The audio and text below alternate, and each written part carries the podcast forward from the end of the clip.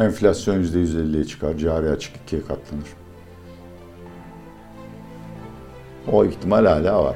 O 50 milyardan 10 milyar dolar acilen herkese şartsız dağıtırsın abi. Kim kapına geliyorsa. Belki o zaman kazanabilirsin ama aksi halde bu noktadan sonra artık çok geç. Şu anda tarım kredi kooperatiflerin kaç tane şubesi var bilen var mı? Ben dün baktım Google'da bin tane. Türkiye'de kaç tane market var bilen var mı? 30 binin üstünde. Bilmiyorum daha başka hani bakıyorsun öyle daha başka açıklamaya gerek var mı?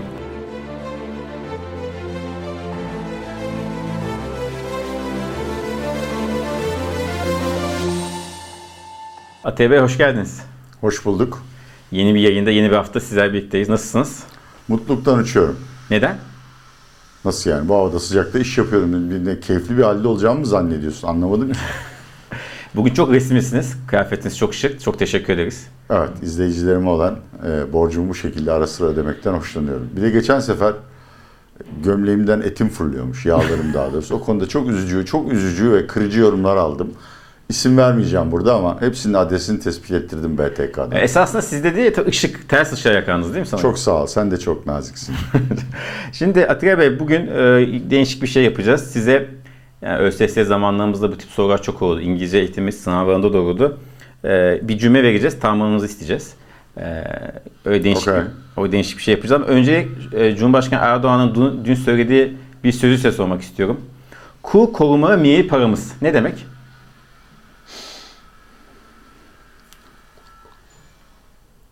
Yani bu askeri istihbarat gibi hani kendi içinde tutarsız bir cümle. Ya kur korumalıdır ya milli paradır değil mi? Veya gizli mesaj mı vermek istiyorsunuz? evet belki algı operasyonu yapıyordur. Yok Sayın Cumhurbaşkanı kusura bakmasın yani okudum ben de mesajı.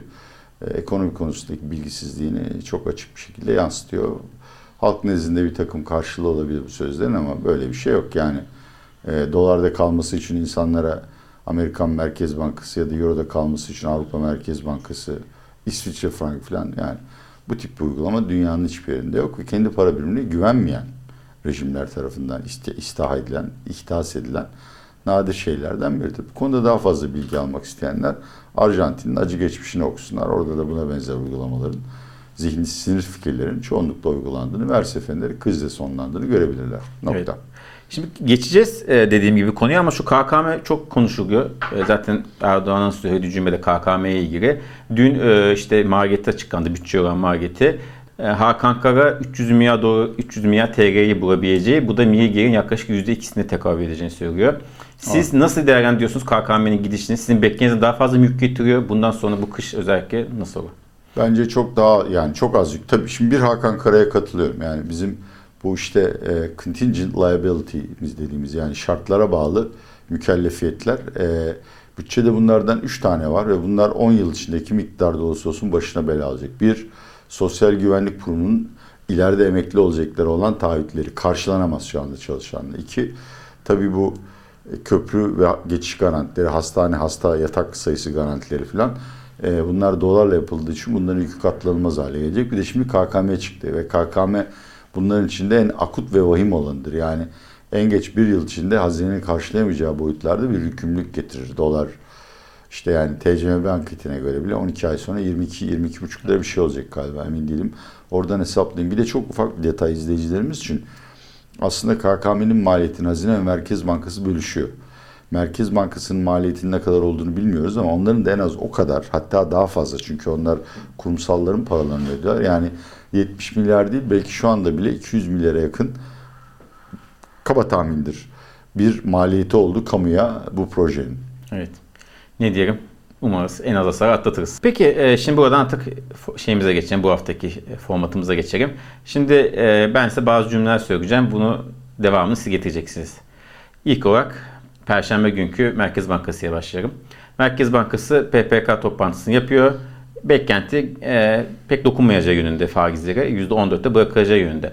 Ama orada da 200 bas puan indirirse ne olur? İndirirse diyeyim takip edin. Fiiliyatta hiçbir şey olmaz. Sayın Erdoğan'ın şu andaki politikalarından ne şimdi ne de olası bir seçim zaferinden sonra asla vazgeçmeye niyetli olmadığını gösterir. Peki indirmezse? İndirmezse de bir şey olmaz. Yani şu anda eğer ne yapılması gerekiyor diye başlarsak soruya faizlerin bir anda tabii ki enflasyon üstüne çekilmesi söz konusu olamaz. Ekonomi yere yatar ama e, sürekli olarak arttırılması gereken bir konjonktüre girmiş durumdayız. Bir yıldır böyleyiz. E, yani bunun dışında yapılan her şey yanlıştır veyahut da en azından doğruyu geciktirmektir. Şimdi malum kredi, kredi tartışması devam ediyordu iş dünyasıyla. Kredilerin e, musluğu biraz sıkılmıştı ama yavaş yavaş Dünya Sağcıkoğlu'nun söylediğini okudum, haberi okudum. Yavaş yavaş kredilerde tekrar işler yolunu giymeye başladı deniyor. Ve yılbaşından sonra özellikle ciddi bir kredi kampanyası olması bekleniyor. Seçime endeksi tabii ki bu. Şayet yılbaşından itibaren yeniden kredi kampanya başlarsa ne yaşarız? Enflasyon %150'ye çıkar, cari açık ikiye katlanır. Ne yaptınız? Söyledim. Cümleyi tamamlamıyor muyuz? Açıklama mı bekliyorsun? Yok aç, açıklarım yarım saat. Tabii biraz açıklayayım. Ya kardeşim şimdi zaten yani ekonomi büyüyebileceği kadar büyüyor. Hani bu şu şekilde. Atilla Eşya'da koşarken çok yavaş koşuyor dersin. Doğrudur. Ama Atilla Eşya'nın 60 yaşında kapasitesi budur. O anlamda büyüyebileceği kadar büyüyor. Daha fazlasını kaldırmaz ekonominin bünyesi. Şimdi sen bunun üzerine bir de 200 milyar, 300 milyar, 400 milyar kredi enjekte ettiğinde, zerk ettiğinde tabii bu harcamalara gidecek. Ama harcamalara gittiğinde karşısında o hızla üretimin artması imkansız. Dolayısıyla ne olacak? Talep enflasyonu olacak. İkincisi Türkiye hala son derece enerjide dışa bağımlı. Yani biz bu yayını yaparken bile aslında dolarla petrol tüketiyoruz ya da doğal gaz tüketiyoruz. E harcamalar arttığında doğal olarak ithalat da artacak. E, ABD yüzün, AB yüzünden ihracat daralacağı için hem cari açık hem enflasyonun çok hızlı bir şekilde olumsuz tepki verdiğini göreceğiz bu karara. Pozitif hiçbir şey olmaz mı? Yani işsizlik üzerinde veya Valla olmaz. Sebebi de şu. Şimdi e, yani hangi krediler işsizliği azaltır? Proje kredileri azaltır. Yani şirket bir fabrika yapacaktır, üretim kapasitesini arttıracaktır e, veyahut da yeni bir teknoloji getirmiştir. Bunlar sayesinde yeni istihdam yapar. Ama şu anda şirketler kredileri tamamen e, işletme sermayesi ihtiyaçları için kullanıyor. Ha bunları vermezseniz batarlar işi çıkartırlar diyebilirsiniz. Ha, o anlamda belki bir olumlu yönü vardır ama kesinlikle Türkiye'de yeni istihdama yol açmayacaktır. Peki diğer bir cümleye geçiyoruz. 2'de 2 yaptınız tebrik ediyoruz. Saygınız. Enerji fiyatlarında malum düşüş var. Yani Brent petrol 94 şu anda bugün. Evet 94 e, dolar. E, ciddi bir yani %120 yerdeydi. Sonra %'nin üstlerinde seyretti uzun süre ama son bir haftada yine 90'ların 94'e kadar geriledi. Şayet bu 80'ler civarında sabitlenirse yani düşüş devam ederse bir süre daha ne olur? Yani e, benzini, mazotu daha pahalıya almayız ama o fiyatlar da düşmez. E, doğalgaz pazarına yani evde yaktığımız doğalgaz ve elektriğe de hiçbir etkisi olmaz açıkçası. Enflasyon üzerinde? Çok hani cüzi belki 1-2 puan. Kardeşim yani şimdi enflasyon 10 iken bu soruyu sorsaydın ya bu çok önemli bir gelişme olur derdim ama enflasyon 80 ya. Yani bu şey gibi hani elinde tamam magnum tabancası var ama karşındaki aslan kaplan değil dinozor gülüp geçiyor. Böyle bir canavar söz konusu olduğunda ve artık enflasyon e, kendi içinden müteharrik olduğu için yani kendi kendine artıyor. Yani bir şey yapmana gerek müdahale, müdahale etmezsen daha da artacak. Brent o pandeminin ilk yılında olduğu gibi 20 dolara inecek dersen tartışırız. Onu konuşuruz. Onun tabii ki etkisi olur. Cari açık üzerinde? Çok az. Şimdi şurada... Ama şimdi diyoruz ki işte cari açık enerji fiyatları yüzünden patladı. E, biraz azalırsa? Miktarı üzerinden de patladı. Şimdi şu şöyle bir denklem var. Biz 20 yıldır ekonomistler bunu kullanıyorduk.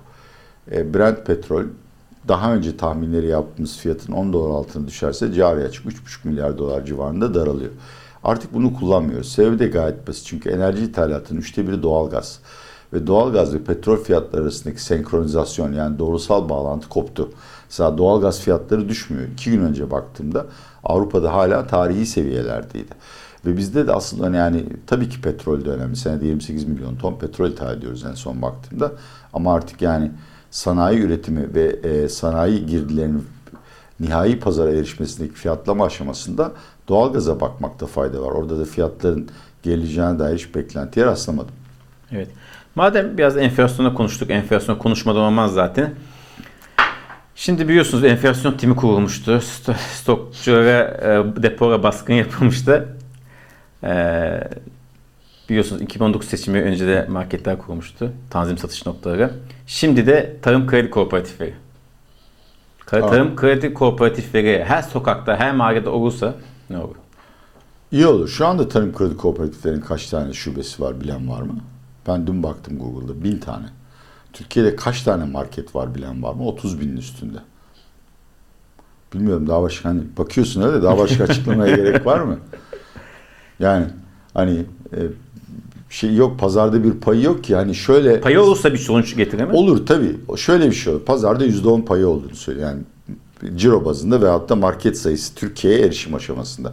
E o zaman tabii öteki marketlerde pazar payı kaybet yani bir mahallede işte hem BİM hem ZİM hem DİM hem de tarım kredi kooperatif varsa birisi bir ürünü %10 düşük satıyorsa ötekiler işsiz kalır, müşterisiz kalır. O zaman olur ama yani 30 bin 40 bin tane outlet veyahut da birim varken bin tanesinde fiyatların inmesi hiçbir şey ifade etmez. Bir de şunu soracağım madem bu biraz konumuzun dışında ama şimdi Türkiye son dönemde ben en son Muğla'da, Muğla'da e, benzin istasyonu gördüm bir belediyenin. Belediyeye ait benzin istasyonu var. E, bu yani belediyenin ve devletin genel olarak. E, bu tip iş kollarına girmesi nasıl yorumluyorsunuz? Aptalca buluyorum. Yani serbest piyasa ekonomisinden çıkalım o zaman. Güdümlü ekonomi veya kumanda ekonomisine geçelim. Her şeyi devletleştirelim. Tamam hiçbir itirazım yok. Şimdi mesela halk ekmeği, halk ekmekleri e, belediyenin veyahut da kamunun sağlık, eğitim hizmetleri vermesini, işte çocuklara bunlar doğal olarak. Çünkü bunlar özel sektörün para kazanmadığı için yapmadığı şeylerdir ve ucuz ekmek de en, en temel şey yani orada. Süt. Evet devletin tabii et hatta devletin yani bu konularda sübvansiyon yapmasını en adi kapitalistler bile makul karşılar ama benzin istasyonu yani benzin fiyatı yurt dışında belirleniyor. Yani sen benzin istasyonu açsan 23 lira değil de belki 22 lira 85 kuruştan açacak. Niçin?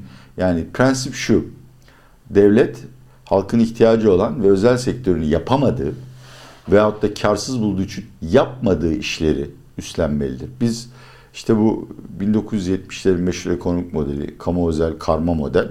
E orada tamam zararları da vardı ama Türkiye'ye Petkim kazandırdı, Tüpraş'ı kazandırdı.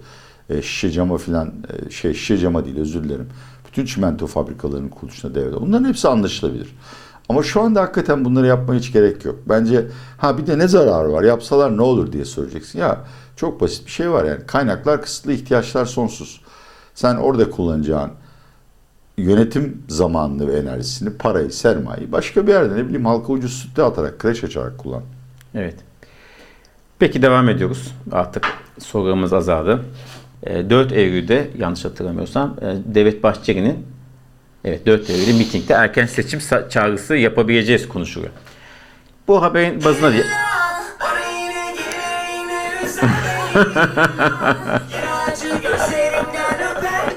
evet. Kusura bakmayın. 4 Eylül'de olmasa bile orası bir yani 2022 içerisinde yapılacak bir erken seçim olursa ne olur? Valla yani ben bir kere bu haberlerin nasıl yayıldığını şu şekilde modelliyorum. Belki izleyicilerimiz bunu anlarlar. Çünkü çoğu yanlış çıkıyor. Bunlar yalan haber değil. Ee, işte gazeteci parti içinden ve hatta yüksek düzeyde bir parti yöneticisi konuşuyor. O da izlenimlerini aktarıyor. Ama maalesef Türkiye'de buna muhalefet de dahil. Bütün kararları parti lideri verdiği o parti liderinde hangi kriterlere bakarak karar verdiğini bilmediğimiz için bazen kendi teğmenleri de yanılıyor. Dolayısıyla bu haber yalan demiyorum. Barış arkadaşa saygım sonsuz. Barış Pehlivan'a da. Barış Öncel'e de. Bütün, bütün barışlara. Bütün, bütün barışlara buradan barış. Ama açıkçası ben Sayın Bahçeli'nin böyle bir fikri olduğu konusunda bir kanaat edinemedim. Bence aksine Sayın Bahçeli seçime giderken güvenlik konusunu öne çıkartarak belki bir sıkı yönetim ilan edilmesini veyahut da olağanüstü hala ilan edilmesini daha geçerli bir yöntem olarak bulabilir. Ha bu haber nasıl doğru olabilir? Yani Bahçeli anketlerden veyahut da eşsiz bir siyasi zekası var. Beğeniriz beğenmeyiz. Bunu da kabul etmek lazım. Ee, 2023'te yapılacak bir seçimin AKP için olmasa dahi kendi partisi için daha kötü sonuçlar vereceğini düşünerek e, bu birlikteliği e, kırma kararı vermiştir. Ama hani bu haberin doğruluk kapasitesini 10 üzerinden değerlendir dersen ikinin üstüne çıkmam. Peki böyle bir şey arındı. Bahçeli Cumhurbaşkanı Erdoğan açıkladı. Ee, ekonomik ekonomi üzerine bir etkisi yok mu? Ekonomi için iyi olur. Çünkü biraz önce de konuştuğumuz gibi yılbaşından itibaren kamu bankaları önderliğinde e, kredi pompalanarak seçim şeyli cömertliği başlayacak. Halk halka da diyoruz buna. Bu süreç ne kadar kısa olursa ekonomi o kadar az zarar görür. Tabii yani daha 9 ay böyle işte yok yani ara önlemlerle, yarı harcama önlemleriyle ekonomiyi süründüreceğimize 4 Eylül'de açıklama yapıldı. Demek Kasım'da seçime gideceğiz. E işte 3 ay daha ellerinde ne varsa harcasınlar. Zararını şimdi ödeyelim. E, kıştan sonra da artık e, kalan parçaları toplar. Bu enkazdan nasıl bir yapı yapabileceğimizi düşünmeye başlarız. Evet. Siyasi açıdan hiçbir fark olmaz. Bunu sanıyorum daha önceki görüş şeylerimizde de konuştuk. Yani şu anda ve bunu anketlere bakarak konuşuyorum. E, ben Cumhurbaşkanlığı veya parlamento seçimlerinde şu andaki iktidarın ve onun ortaklarının kazanmayacağını yüzde yüz eminim.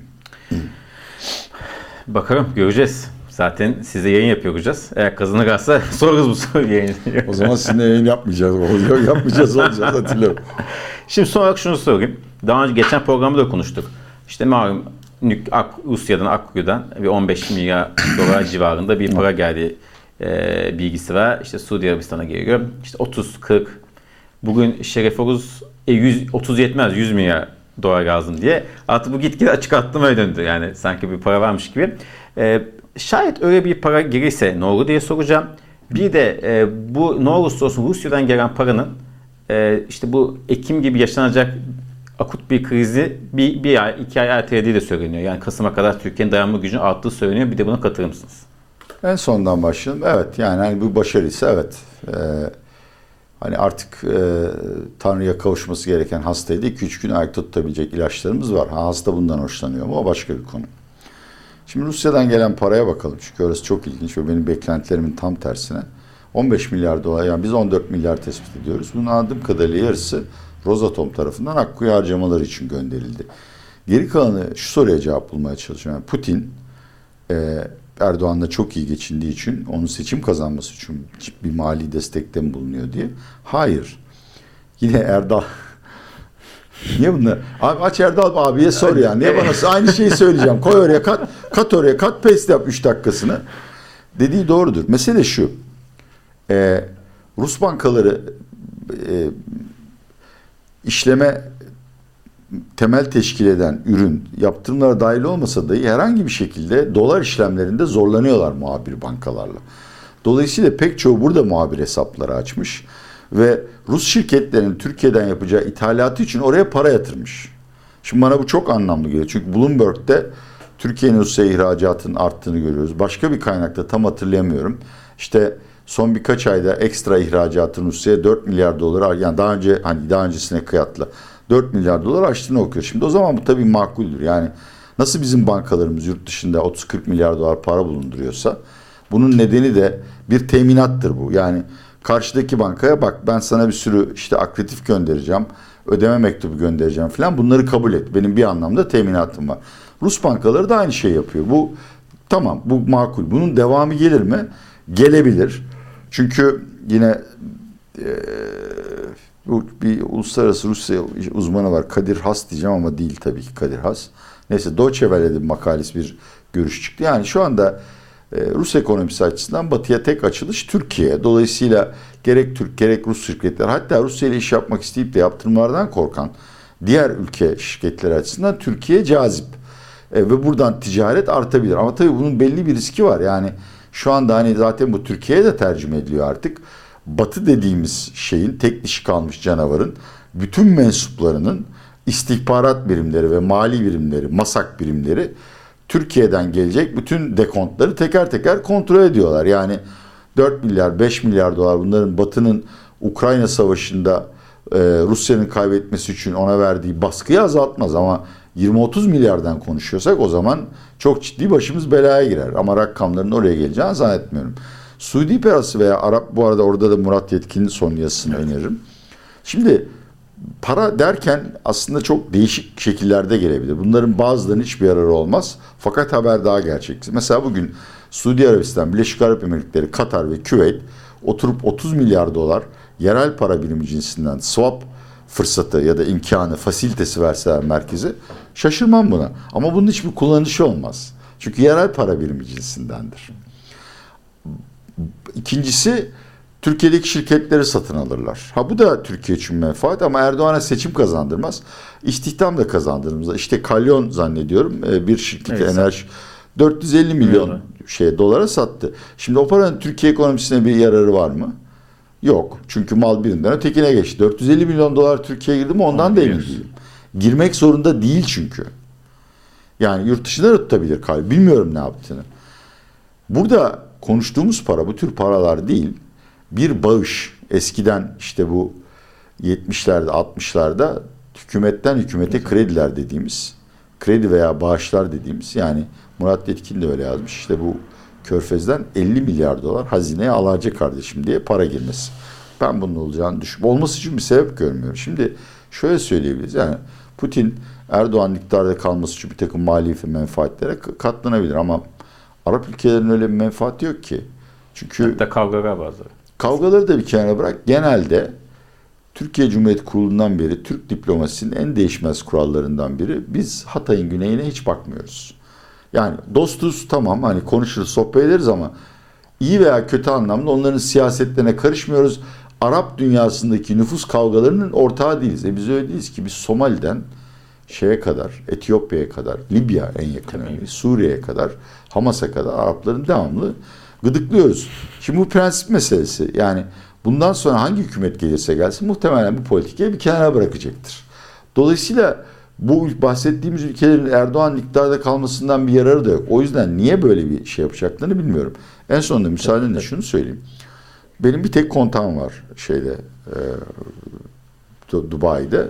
Benim gibi uzman bir arkadaş. E, onunla kısa bir teatide bulunduk. Valla burada böyle bir haber yok diyor. İkincisi bu bahsedilen rakam Suudi Arabistan ikinci çeyrekteki cari fazlasına şey be- bedel. Üçüncüsü Suudi Arabistan'ın eli çok meşgul diyor. Pakistan'a yardım yapmak zorunda. Mısır'a 13 milyar dolar civarında bir yardım taahhüdünde bulunmuşlar. Yani daha önce de söylemiştim.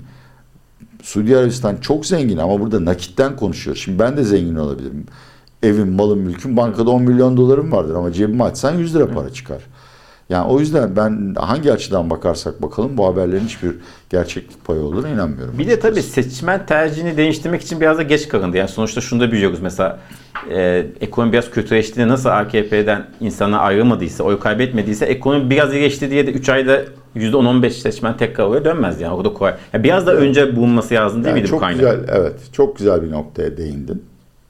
Ee, bu noktadan sonra ekonomideki iyileşmeleri değil, ekonomideki iyileşmelerin en zayıf halkalara yansımasına bakıyoruz. Çünkü en zayıf halka dediğimiz halk kesimine baktığında bunların içinde AKP seçmeninin payının ötekilerinden daha yüksek olduğunu görüyoruz. Dolayısıyla ekonomiyi iyileştirmek, seni beni biraz daha zengin etmek fayda etmez. Mühim olan o insanların sorununa çare bulamıyoruz. Bulabilir miyiz? İşte İstanbul Belediyesi'nin anketi İstanbulluların %70'i istediği tür gıdaya veyahut da alıştığı tür gıdaya alışamıyor. Şimdi sen bu kadar seçmene inebilecek bir makro politikayı bir yılda geliştiremezsin. Ha şunu yapabilirsin. O ihtimal hala var. O 50 milyardan 10 milyar dolarını acilen herkese şartsız dağıtırsın abi. Kim kapına geliyorsa. Belki o zaman kazanabilirsin. Ama aksi halde bu noktadan sonra artık çok geç. Bir de yani bütün bunlara rağmen bütün bu paralara işine harcama tarafına bakıyoruz. Yani o paranın büyük kısmı yine cari açığa gider. Dediğim gibi enflasyon yani kimse enflasyon boyutunu düşünmüyor. Sen dışarıdan gelen parayı harcayacaksın. İyi de üretim yapılamıyor Türkiye'de. Tabii tabii. O boyutta yapıyor. 50 milyar az para değil abi. 50 milyar Türkiye ekonomisinin %6'sı. e, %6 büyütemezsin az kapat. E, tabii o. Araba fiyatları ne olur? Konut fiyatları ne olur? Ama artık onun önemi yok çünkü galiba araba alım satımı yasaklandı Türkiye değil mi? Yani fiilen öyle o. Hani resmen olmasa bile. Peki sonra şunu... Ben bisiklet bisiklet alıp satabiliyor muyum 6 ayda Evet şimdi? ama birkaç aya gider o da. Motosiklet o. Çok teşekkür ederiz Atilla Bey. Bu haftayı da bitirdik. Ağzınızdan bağ damladı. Çok sağ olun. Ee, haftaya görüşmek üzere. Yeni balonları patlatmak üzere diyorum. Teşekkürler.